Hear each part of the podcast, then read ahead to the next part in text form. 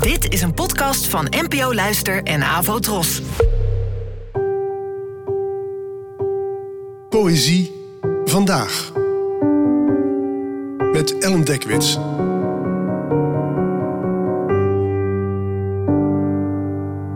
Hallo, fijn dat je luistert. Het gedicht van vandaag heet Ik zie ze gaan met de vermoeide tred en werd geschreven door de Nederlandse dichteres Henriette Roland Holst, geboren in 1869 en gestorven in 1952. Ik zie ze gaan met de vermoeide tred. Ik zie ze gaan met de vermoeide tred van hen die moedeloos ontkrachtigd leven, die nooit op banen van manmoedig streven een veerkrachtige voet hebben gezet. Ik zie ze gaan met de slepende gang van wie niets wacht, na de doorzwoegde uren, dan even het kort opflikkeren van de vuren der lust en weergalm van haar rauw gezang. Ik zie ze willoos vallen naar de nacht en neerstorten in de slaap zonder beelden, die hun trillende lijven maakt als lood. Heeft al ons weten ons dan hiertoe gebracht en al ons kunnen, tot zieloze weelde voor weinigen en voor de velen het leven in dood.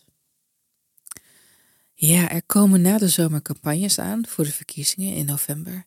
En menig partij zal de kiezer ervan proberen te overtuigen dat hij het beste voor dienstbelangen op zal komen. En tegelijkertijd groeit het aantal mensen dat niet meer stemt. Ze zijn te moe van het hoofd boven water houden om nog aan politiek te denken. En soms word je dan moedeloos. We leven zogenaamd in een eerste wereldland waar velen zich toch dood moeten werken om in hun bestaanszekerheid te kunnen voorzien. Hoe verdrietig zijn dan de regels van dit gedicht? De mensen die lopen met, zo staat er zo mooi, slepende gang. Mensen voor wie niets wacht. In een systeem dat om louter winst en competitie draait, als een droeve erfenis na alle vooruitgang.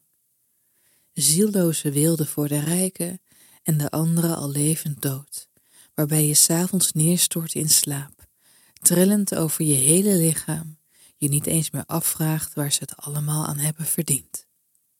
Bedankt voor het luisteren en tot de volgende keer. Abonneer je op deze podcast via de gratis app van NPO Luister. Daar vind je ook een handig overzicht van het complete podcastaanbod van de NPO. Afro Tros, de omroep voor ons.